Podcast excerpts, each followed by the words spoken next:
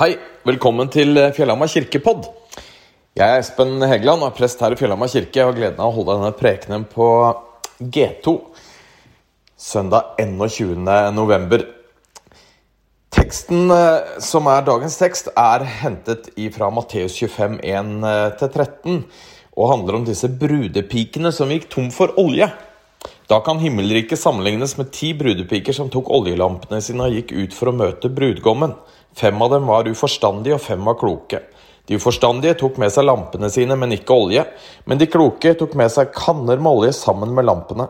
Da det trakk ut før brudgommen kom, ble de alle trette og sovnet. Men ved midnatt lød et rop. Brudgommen kommer! Gå og møt han! Da våknet alle brudepikene og gjorde lampene i stand. Men de uforstandige sa til de kloke, gi oss litt av oljen deres, for lampene våre slukner. Nei, svarte de kloke, det blir ikke nok til både oss og dere, gå heller til kjøpmannen og kjøp sjøl.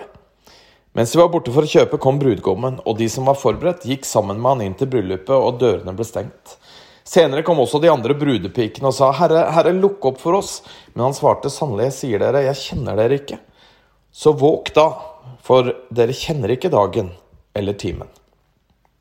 Jeg vet ikke åssen det er med deg, om du har gått tom noen gang. Altså tom for bensin, f.eks. Tom for strøm, tom for energi, tom for ord. Tom for følelser, kanskje, eller tom for penger.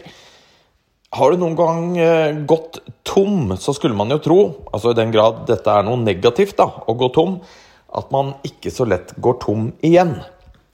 Man lærer liksom av sine feil. Men vi ser vel ofte at det er det motsatte som er tilfellet.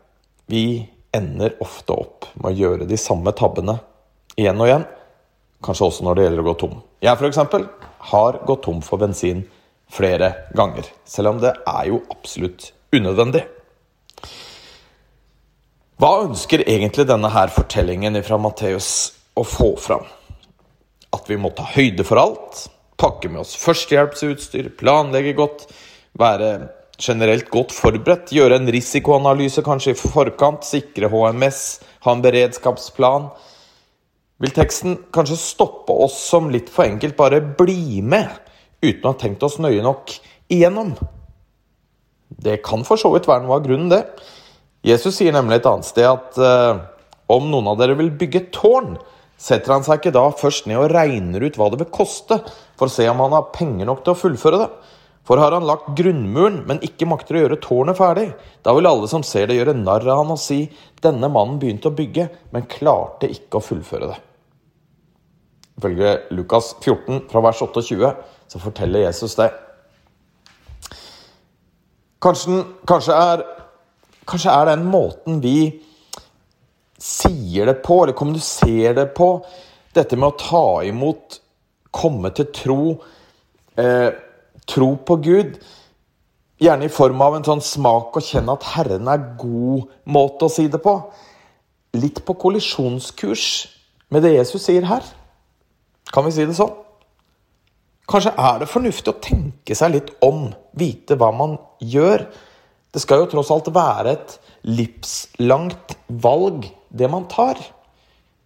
Og da er det lurt å eh, være litt forberedt. Vite hva man gjør. Jeg har lyst til å peke på to hovedpoeng i denne fortellingen eh, som jeg tenker kanskje nå, her og nå, er blant de viktigste. Hovedpoeng A det handler om å være klar. Jeg veit ikke åssen det er med deg, men jeg har et bilde av brannmenn som folk som alltid er klare. Er du brannmann eller brannkvinne, så er du beredt. Er du på vakt, dvs. Si er du på jobb, så er du alltid klar. Det gjelder om du er på fotballbanen og trener litt. Eh, om du er i butikken og kjøper deg en cola. Eh, om du kanskje har stoppa på et treningssenter for å trene litt. Eller eh, sitter på en benk ved siden av brannbilen. Du er alltid klar! Som brannmann, brannkvinne, er du alltid klar for å rykke ut. Og de kommer jo, disse brannfolka, selv om det er falsk alarm. Ikke sant? Jeg har faktisk utløst falsk alarm en gang, jeg, er her i, i kirka. Eh, ikke med hensikt. Men eh, de kom. Og det var godt å se. Litt dumt òg, for det kosta oss litt penger når det var falsk alarm. Men brannmenn er på. De er klare. Jeg lurer på om vi noen ganger tenker litt sånn om Gud at han setter oss på prøve. Altså, sånn som brannmenn, liksom. De kommer jo uansett om det er falsk alarm eller ikke. Er det sånn at Gud på en måte lurer oss med noen sånne falske alarmer? Det ville ikke vært helt ulikt meg, forresten. Jeg, eh, er, jeg setter nemlig opp noen sånne feller innimellom. Hjemme. Hjemme hos oss er vi, vi er litt svake for godteri. Sånn der eh, fargerikt eh, E-stoffgodteri. Dessverre. Sikkert ikke veldig sunt. Men vi er litt svake for det. Og tidligere hadde vi et skap med godteri. Nå har vi en hylle med godteri. Og der forsvinner det jo ting ikke sant? sånn gjennom uka. Selv om vi alle i huset vet at det er ikke greit, så forsvinner det ting der. Eh, og jeg tror alle, eh, bortsett fra meg selvfølgelig, eh, går og tar litt godt der, godteri der innimellom. Og jeg setter opp feller. Jeg har da kanskje sånn smååpna opp en pose, telt hvor mange ting som er inni der, ikke sant? og legger den litt ytterst i hylla der, sånn at eh, det er litt fristende. Og så er det enkelt for meg å gå og telle etterpå. Er det noe borte? Er det noe som mangler? Så blir det en sånn type falsk alarm eller en type felle. Hei, bistre, du tar godteri, du. Selv om vi ble enige om at det ikke var greit. Jeg tror ikke Gud er sånn. Jeg tror ikke Gud er ute etter å liksom, prøve oss å lure oss på den måten. Men jeg tror Gud er opptatt av at vi skal være klare. Og jeg tenker at brannmenn, de er gode forbilder på hva det vil si å være klare. De bryr seg ikke om eh, om dette er en falsk alarm potensielt, eller om det er alvor. De bare rykker ut, for de er klare. Om det så skulle være en felle, så kommer det. Så altså A. Du må være klar. Det handler om å være klar. Men hva vil det egentlig si å være klar? Det skal vi komme litt tilbake til. Men først det jeg tror vi kan omtale som hovedpoeng B. Det handler også om å være brennende. Altså, Denne teksten handler jo om lamper. ikke sant? Oljelamper. Kanskje sånne oljefylte fakler med veke på, som vi også har den dag i dag. Det handler om å være brennende. Være et lys. Være en lampe. Og det har vi snakka om her på, på G2 tidligere i høst. Hvorfor skjuler vi f.eks. lyset under et kar, setter under et kar, når vi burde stå og løfte det så høyt som mulig og vise det lyset som brenner? Og lampens hensikt i denne teksten, i denne lignelsen, det er jo at, at, den skal kaste, at lyset skal kaste glans over brudgommen. Hva vil det egentlig si å være brennende? Ordet gir kanskje visse assosiasjoner til det å være rad radikal. Det å være ytterliggående, i fyr og flamme, være brennende for Jesus, om vi kan si det sånn. Og for de som leser kristne aviser og, og, og, media, så har man kanskje fått med seg at det har vært en sånn type debatt, en del innlegg i det siste, om det vi kan kalle en sånn type all in-teologi. Eh, I forbindelse med Descend, f.eks. Og det har vært forsvart, og det har vært kritisert. Jeg må innrømme at jeg hører med blant de som tenker at hvis troen i meg er ekte vare, ja, så vil jeg jammen meg gå all in. Jeg vil jammen meg være i fyr og flamme. Det er ikke en tilleggsgreie jeg har i livet, i tillegg til mange andre ting som jeg kan spille på når behovet er der. Og sånn fint, voksent og avbalansert bruke der det passer seg. Nei, det er jo redningen i livet mitt. Og da syns jeg egentlig, om man skal bruke det begrepet, da, som man jo for så vidt ikke trenger å bruke, men skal man gjøre det all in, passer ganske bra. Men samtidig så er det jo sånn at jeg opplever ikke å være i fyr og flamme og supergira. Eh, all in på den måten hele tida. Sånn er det jo ikke. Det erfarer jeg i hvert fall i mitt liv. Og jeg hadde en fantastisk flott sogneprest for mange år siden, da jeg var eh, ung også kanskje lovende.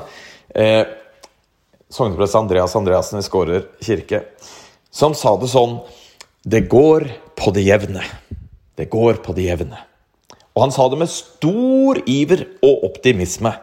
Altså i den grad en som bruker 'på det jevne' som det sterkeste positive superlativ kan vise iver og begeistring over hodet, da. Så sa han altså dette med stor iver og optimisme. Det går på det jevne. Og han snakka altså om dette med det jevne som noe veldig positivt. Det var noe flott. Og jeg husker jeg tenkte da at eh, jeg håper ikke jeg kommer dit. Jeg hadde veldig sansen for ham. Men jeg tenkte samtidig at det høres litt kjedelig ut. At det liksom skal gå sånn på det jevne. Var så veldig avbalansert. Og det er jo ikke helt i tråd med den derre all in, være i fyr og flamme. Gira for Jesus, om du vil. Men jeg må jammen innrømme at jeg begynner å like det uttrykket. På det jevne. For jeg kan være all in i min tro med Jesus i livet mitt, og allikevel ha en, en positiv opplevelse av dette på det jevne. At han er der. Også når jeg ikke er supergira, f.eks. Og det går an å brenne.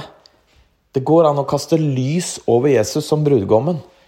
Også i sånne situasjoner i livet. Og det er ikke det at vi skal trakte etter de tunge, mørke, triste, vanskelige stundene.